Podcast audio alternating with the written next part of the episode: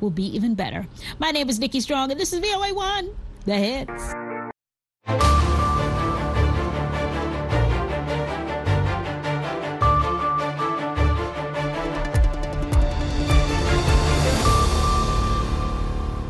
halkani waa washington laanta afka soomaaliga idaacadda v o a oo aad ka dhagaysanaysaan muwjadaha gaagaaban efemyada geeska afrika iyo caalamkao dhan oo aad nagala socotaan v o a somali com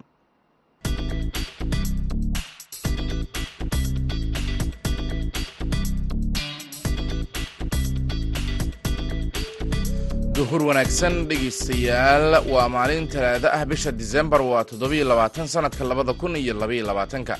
Afrikada bari saacadda waxay tilmaamaysaa kowda iyo barka duhurnimo. Idaacadda duhurnimo ee barnaamijka dhallinyarada maantana waxaa idinla socodsiinaya anigoo ah maxamed bashiir cabdiraxmaan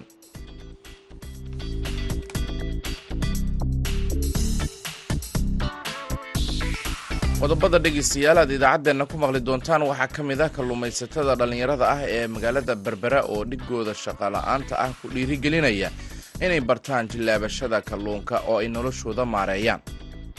Wax la yidhaahdo oo kalluunmadowgaan gurnaa sida timidka saynuubta taraaqadda waxaasoo kale.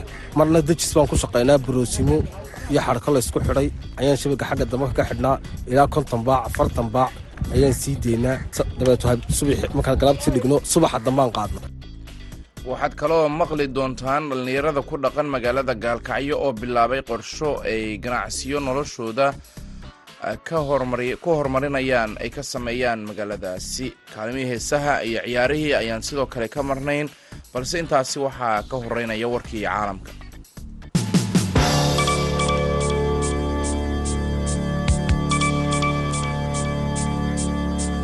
wasiirka gaashaandhigga ee serbiya milos fizojek ayaa xalay sheegay in ciidamada qalabka sida ee dalkaasi ay heegun buuxa la geliyey taasi oo hoosta ka xariiqaysa xiriirka sida weyn u sii xumaanaya ee dalkan ku yaalla gobolka balkan uu la leeyahay dalka ay dariska yihiin ee kosofo kosofo ayaa labada kun iyo sideedii ku dhawaaqday in ay ka madax bannaan tahay serbiya laakiin belgrade ayaa diiday inay aqoonsato madax bannaanida kosofo taas beddelkeedana waxay ku dhiirigelisaa in boqol iyo labaatanka kun ee qof ee serbiyiinta ah ee ku nool kosofo inay ka soo horjeestaan xukunka pristina gaar ahaana gobolka waqooyi ee ay ku badan yihiin bulshada serbiyaanka ah ciidamada serbiya ayaa dhowr jeer sannadihii la soo dhaafay xaalad feejignaan ah la geliyey xiisadda serbiya kala dhexaysa kosofo awgeed waxaana ugu dambeysay bishii nofembar markaasi oo ay serbiya sheegtay in dhowr diyaaradood oo ah kuwa aan duuliyaha lahayn hawada dalkaasi ay ka soo galeen dhinaca gobolka iskiis u goostay ee kosofo tobankii disembarna serbiyiinta waqooyiga kosofo ayaa waddooyinka ku gooyay dhagxaan iyagoo ka dibadbaxaya xarigga nin horey uga tirsanaa booliiska oo looga shakiyey inuu ku lug lahaa weeraro ka dhan ah ciidamada booliiska ee ka soo jeeda qowmiyadda albeeniyiinta hogaamiyaha waqooyiga kuuriya kim jong un ayaa dah furay shir muhiim ah oo uu yeelanayo xisbiga shaqaalaha ee talada dalkaasi haya sida talaadada maanta ah ay wariyeen warbaahinta dowladda ee dalkaasi iyadoo shirkani uu caadiyan yahay madasha uu kaga dhawaaqo go'aamada muhiimka ah ee siyaasadeed ee sanadka cusub wakaaladda wararka rasmiga ah ee dalkaasi k c n a ayaa warisay in shirweynihii sideedaad ee golaha dhexe ee xisbiga shaqaalaha ee kuuriya w p k la qabtay isniintii. Shirkan ayaa waxaa ka qaybgalayaashu ay ku ansixiyeen shan ajende oo waaweyn oo ay ka mid yihiin dib u eegis lagu sameynayo fulinta siyaasadaha waaweyn iyo weliba miisaaniyadda sanadka dhammaanaya ee labada kun iyo labaiyo labaatanka. Iyo sidoo kale qorshaha shaqo iyo miisaaniyadda. Sanadka soo socda ee labada kun iyo saddex iyo labaatanka isqo imaatinka mas'uuliyiinta xisbiga iyo saraakiisha xukuumadda oo maalmo qaadanaya ayaa ku soo beegmaya sanad uu dalkan go-doonsan uu tijaabiyey. Gantaalo tiro badan kuwaasi oo ay ku jiraan gantaalaha qaaradaha isaga gudba ee i c b m.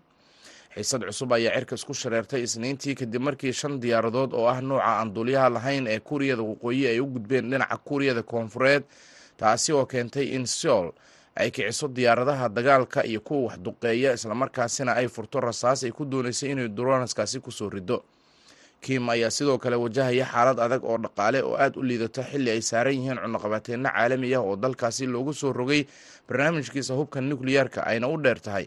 Xanibaadaha loo soo rogay xakamaynta covid sagaal iyo toban oo dhaqaalaha dhaawacay iyo musiibooyin dabiici ah oo dalkaasi ka dhacay. Warkii dunidana dhegeystayaal waa naga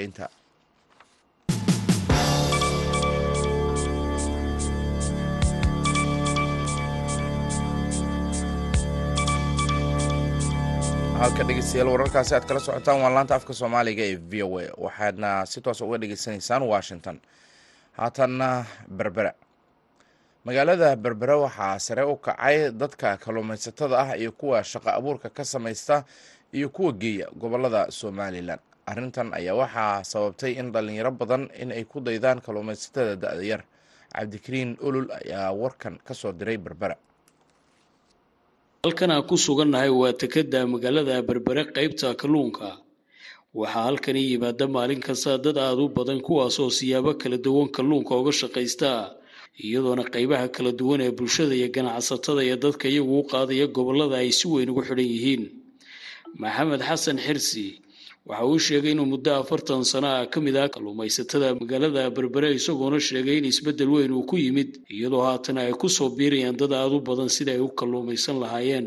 Waxa weeye berigii hore dooyuhuna way ku yaraayeen dadkuna wuu ku yaraa laakiin markii iminka la fahmay ee dadkii dad bad badan loo tababaray waxna ay ka galeen dibadda ka galeen waxa weye dadku aad bay uga shaqaystaan. Markuu doonta iska leeyay isagaa iskaleho waxaan ku leeyahay wixii uu ka helo isagaa iib geysta oo ninkii cidda u shaqaysana isagaa ka iibsada isagaana iib geeya oo ama hargeysa ama buracmeeshu duwan u diraa ama halkan uu ka iibiyaa ninkii u shaqaynayana isagaa lacagta siiya qiimana uu kula heshiiya.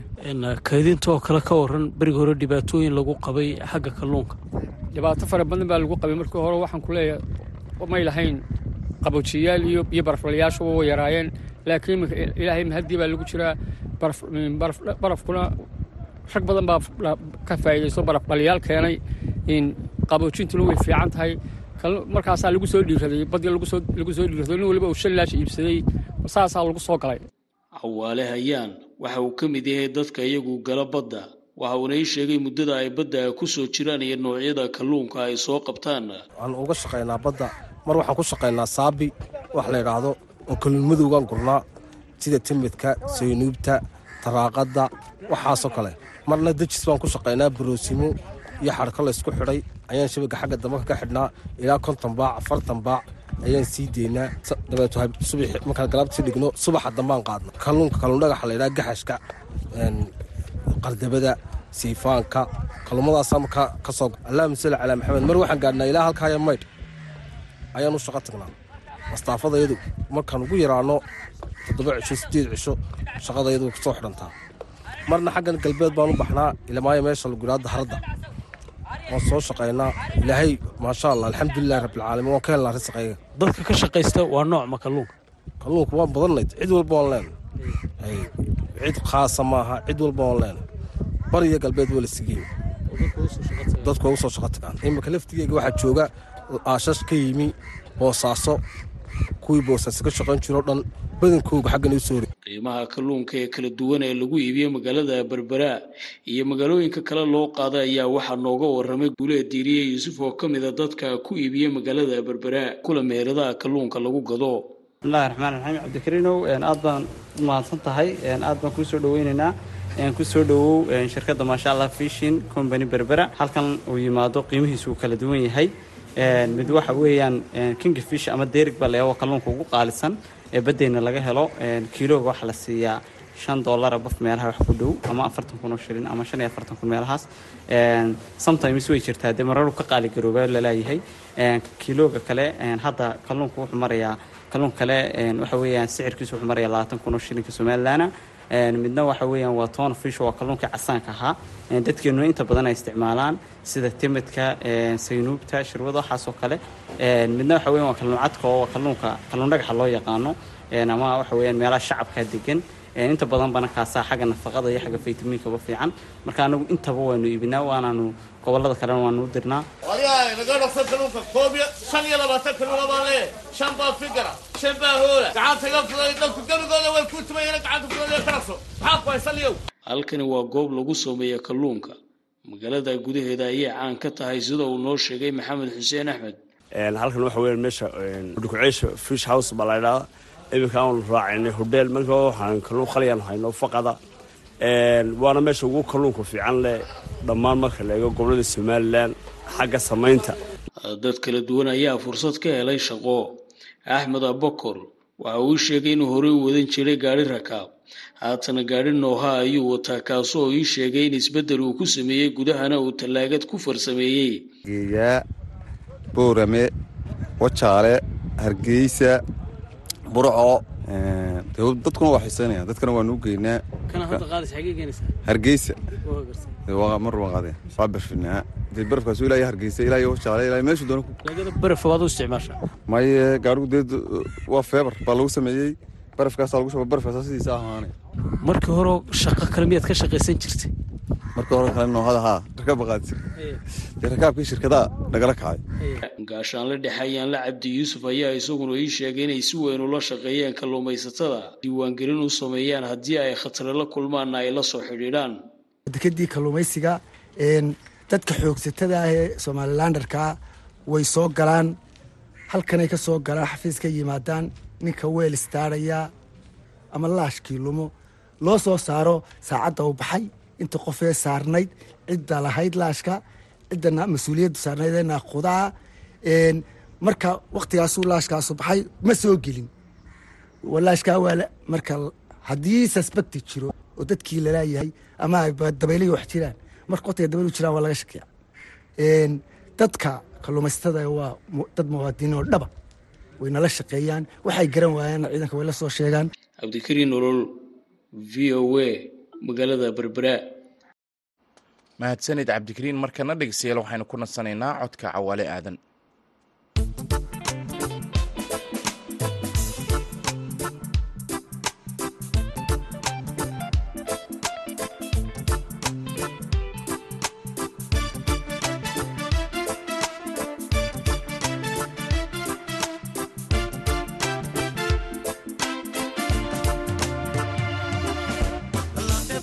jid oo berena iiritaa ballan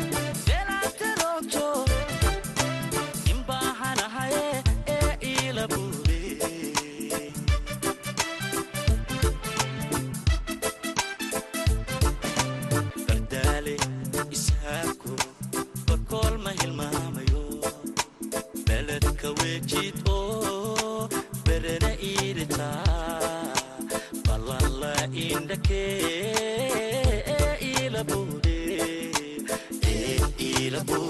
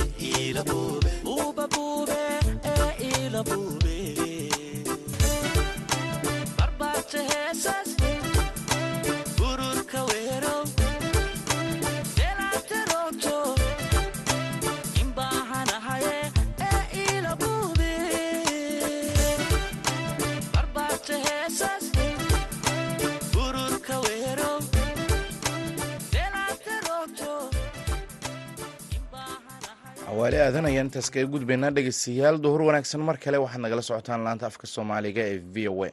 Markana gaalkacyo magaalada gaalkacyo dhalinyaro kala duwan ayaa u istaagay sidii ay noloshooda u maareyn lahaayeen kuwaasi oo ganacsiyo yaryar ka sameysanaya magaaladaasi. Wariyaha v o a cabdiwaaxid macalin isaaq ayaa la kulmay qaar ka mid ah dhalinyaradaasi waxayna u sheegeen in loo baahan yahay in dhalintu ay fadhiga ka kacaan oo ay noloshooda mas'uul ka noqdaan inkastoo dhallinta soomaaliyeed ay naftooda qaraabo la noqotay shaqa la'aanta dalka ka jirta haddana waxaa jira qaar ka mid a dhallinyarada oo shaqo abuur ka bilaabay ganacsi yaryar hase ahaatee hadda ganacsigooda uu meel wacan marayo. Cabdi tahliil cali waa nin dhallinyaro ah oo ku nool gaalkacyo waxa uu goob ganacsi ku haystaa. Bartamaha magaalada gaalkacyo waxa uu ka sheekeynayaa bilowgiisii shaqada. Ganacsiga waxa weye meel hoosaan ka bilaabay maadaama aan waagii hore baaga muddo in badan aan fursado badan aan beerdariyey fursadaas waxaan isku dayey inaan dib aan macnaha ka soo celiyo. Ganacsi yar baan bilaabay. Ganacsiga hadda meel fiican buu ii marayaa. Haddana waa aad baa ugu sii dhiiranahay inaan sii wado. Ballaaryana cabdi inta uusan bilaabin ganacsiga waxa uu ahaa baagamuuddo ama shaqo la'aan balse muddo kadib waxa uu bilaabay inuu shaqaysto. Waxa uu goob yar oo ganacsi ka furtay suuqa gaalkacyo ha yeeshee waxa u kobcay. Ganacsigii uu hayey noloshiidaanu nin dhallinyaraha markaa xataa aan guursanahay baagamuuddaan ahaa kabacdina ganacsiga markii waxaa ugu aan go'aan aan qaatay markii aan guursaday go'aankaasoo ahaa inaan macnaha hoygayga iyo caruurteyda iyo xaaskayga iyo waxoo dhanba inaan anugu mas'uuliyaddeeda aan qaaday maadaama mas'uuliyaddeeda aan qaadana inaan macnaha aan raadiyo quutal daruuri xalaal ah maadaama markaa quutal daruuri xalaala aan raadiyey waxaan isku dayay inaan ganacsi yar aan bilaabo oo haddana kabacdi magaalada laga barta amaah iyo wax kasta iyo aamin iyo waxyaalo badan adiga iyo dulqaad badan iyo ganacsi aan u soo dulqaatay oo xataa macnaha xiliyo badan oo isbedbedel badan ah oo waqtiyo adag aan soo maray. Maadaama waqtiyo adag aan soo maray waa dulqaatay waa dulqaatay waxaa dhowr jeer baa damcay. Dad ganacsi aagii ahaa ay inay ay ayagoo guureen oo meeshii ku busaaradaysteen aniga waa iskaga adkaystay maadaama aan iskaga adkaysto aan iskaga dulqaatana waxaa ilaahay macnaha hadba si tirta tartiiba ayaan guul fiican aan dareemay oo aan ku nastay oo ku nastay xoobay oo alxamdulilah ilaah kugu mahad. Hadda meel fiican buu ii maraya aaray tahliil waa gabar dhalinyaro ah oo ganacsi qaad ku haysata gaalkacyo. Waxa iyana ay ka waramaysaa sida nolosheeda ay ugu maarayso ganacsiga ay ku jirto gabadh dhallinyaraanahay gabadh iskaabulaanahay wax iga maqan ma jirto waa cunaa waa cabaa. Waxaan ka shaqeeyaa aniga qaadaan ka shaqeeyaa. Yaa ha wuu dabooli karaa. Waana shaqaysanaa. Dahabna waa ka gadana ayu nuucna waa ka cunaa. Waa cunaa waa cabnaa. Ganacsiga gaalkacyo waa mid aad u kala socda waxaana dhallinyaro badan ay samaysteen goobo ganacsi si noloshooda ay ugu daboolaan wax soo saarka ay ka helaan. Noloshiida waa waa daboolay. Alxamdulilah been lama sheegayo. Si fiican buu u daboolay. Carruurta biilkeeda waa helaa si fiican baan aan hadda hawsheydii u socotaa. Waan wanaagsanaha ugu dambayntii dhallinyaro badan ayaa baagamuuddo ah kuna dhiiran la inay shaqeeyaan. Maxaad dhihi lahay dhallinyarada saxaabteyda ama kuwa maaragtay gaalkacyo jooga waxaan ugu talinaya taariibka isku daayaan inay shaqaystaan inay ganacsiga sidaan meesha hoose uga soo bilaabo kale ay ka soo bilaabaan inay macnaha naagahooda iyo caruurtooda iyo dadkooda iyo dhulkooda iyo dhulkooda iyo aaminaan. Oo kalsooni ay qaataan oo dulqaadna ay sameeyaan. Dhallinyarada ku jirta ganacsiga suuqa gaalkacyo marka loo eego dhalinta ku nool gobolka waxa ay ka noqonayaan qayb yar. Hase ahaatee inta ku jirta ganacsiga ayaa naftooda ku qancinaya in shaqada yar ay ka wanaagsan tahay baagamuudada cabdiwaaxid macalin isaaq v o a gaalkacyo mahadsanid cabdiwaaxid markana dhegeystayaal waxaad ku soo dhowaataan xubintii cayaaraha waxaana soo jeedinaya maxamuud mascade.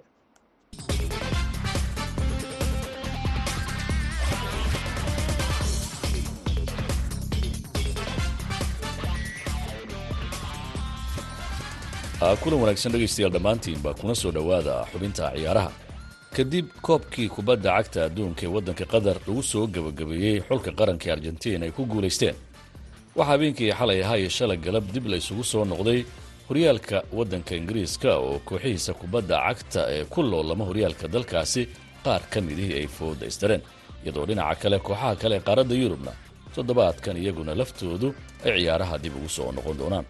Kulamadii ugu xiisaha badnaa ee habeenkii xalay ahaa ee shalay dhaca waxaa ka mid a kooxda kubadda cagta ee tottenham hatsba ayaa laba iyo laba barbaraha waxaa ku celisay kooxda isku magaalada ka dhisan yihiin ee brentford halka labada kooxood iyaguna isla magaaladaasi ka dhisan ee crystal balis iyo fulham ay kooxda kubadda cagta ee fulham ku galgalatay kooxda crystal balis waxaa xusid mudan in kooxda crystal balis laba xidig oo ka mid a xidigaha u ciyaara calaamada guduudan loo taagay taasina ay keentay in goolashu sidii daadka ay ugu furmaan oo kooxda kubadda cagta ee fulham ay ciyaartaasi ku guulaysato saddex gool iyo waxba. Everton laba gool iyo hal ayaa lagu dharbaaxay oo kooxda wolfes ayaa ku garaacday guriga everton ayaa lagu ciyaarayay tababaraha kooxda kubadda cagta everton frank lambard ayaa haatan culays badan soo koraya garbihiisa waxaana dadka qaar ay saadaalinayaan in macallinku uu shaqadiisa waayi karo.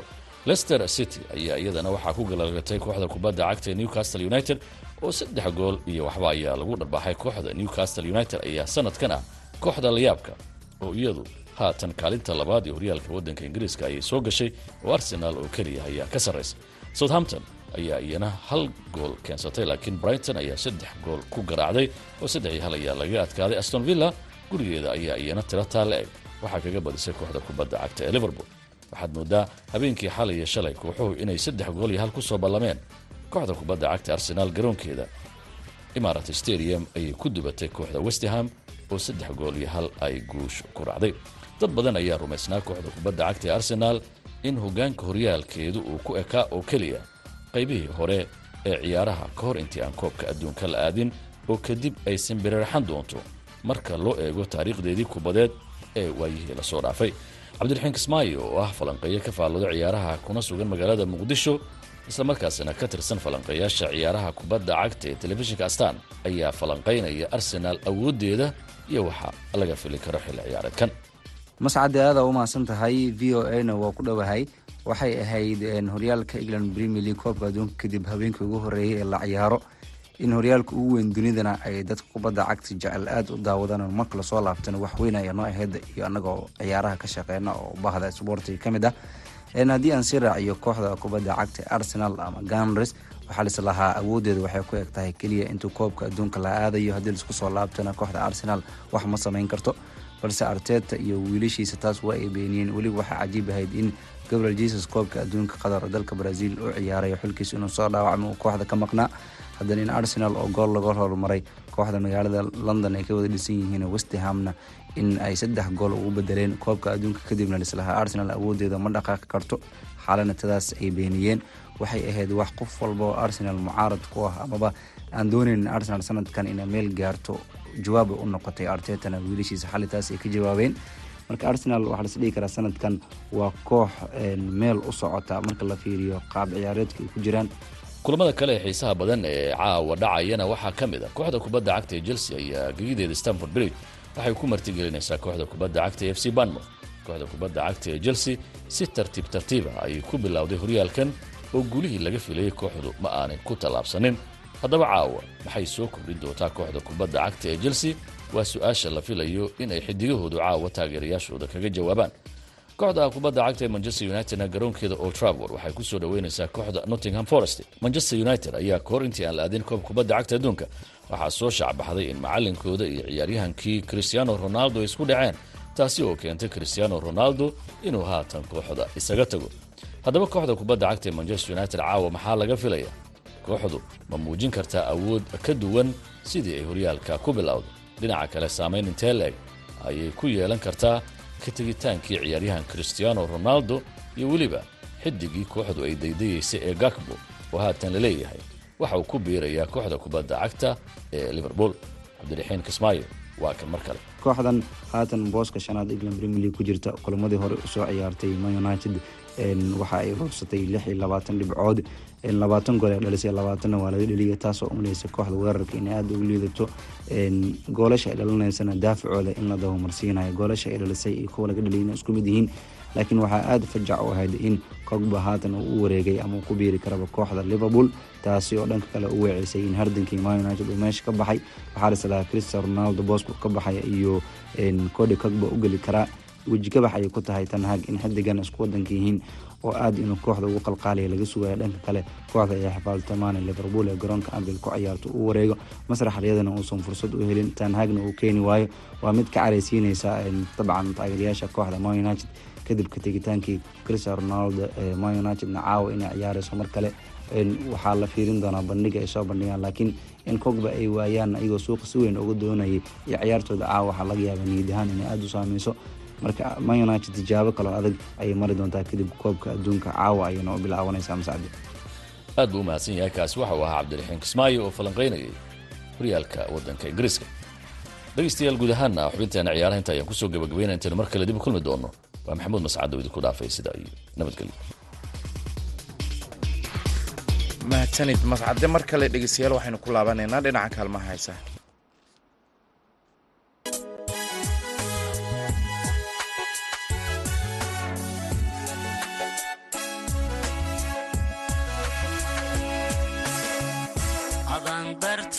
adandarta u dallanaho duway kalgacaylka ula darise dareen ku rabo ku doorbidayaa wixii dembi dhacay indhaha ka dade daniyo carabba isdiidi kare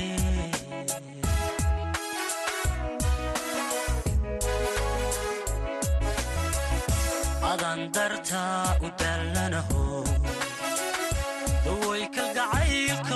darise dareen ku rabo ku doorbidayaa wixii dembi dhacay indhaha ka dade.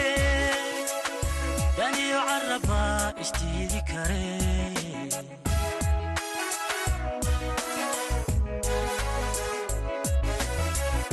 Intaa dudilayd anaa dagane.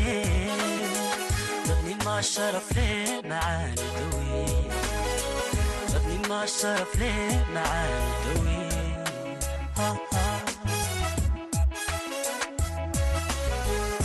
intaa dudilay anaa dagane dadnimaa sharafle macaani dawe dadnimaa sharafle macaani dawe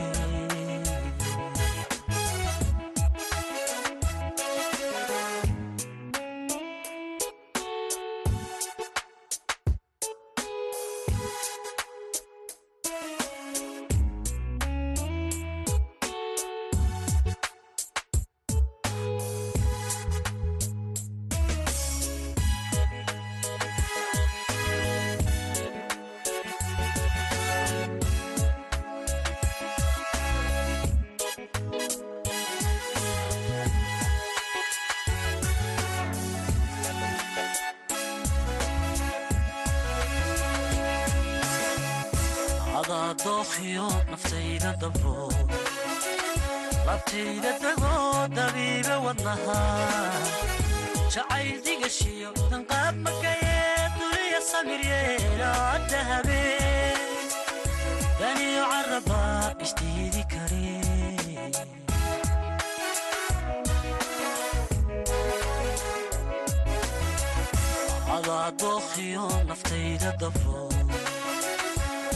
codkaasi cabdiraxmaan caydiid wuxuu gabagabo u yahay idaacaddii duhurnimo ee barnaamijka dhallinyarada. Maanta ood kala socoteen laanta afka soomaaliga ee v o a oo si taas idinkaga imaanaysay washington. Tan iyo kulanti dambe dhegaystayaal waxaan idin leenahay nabadgelyo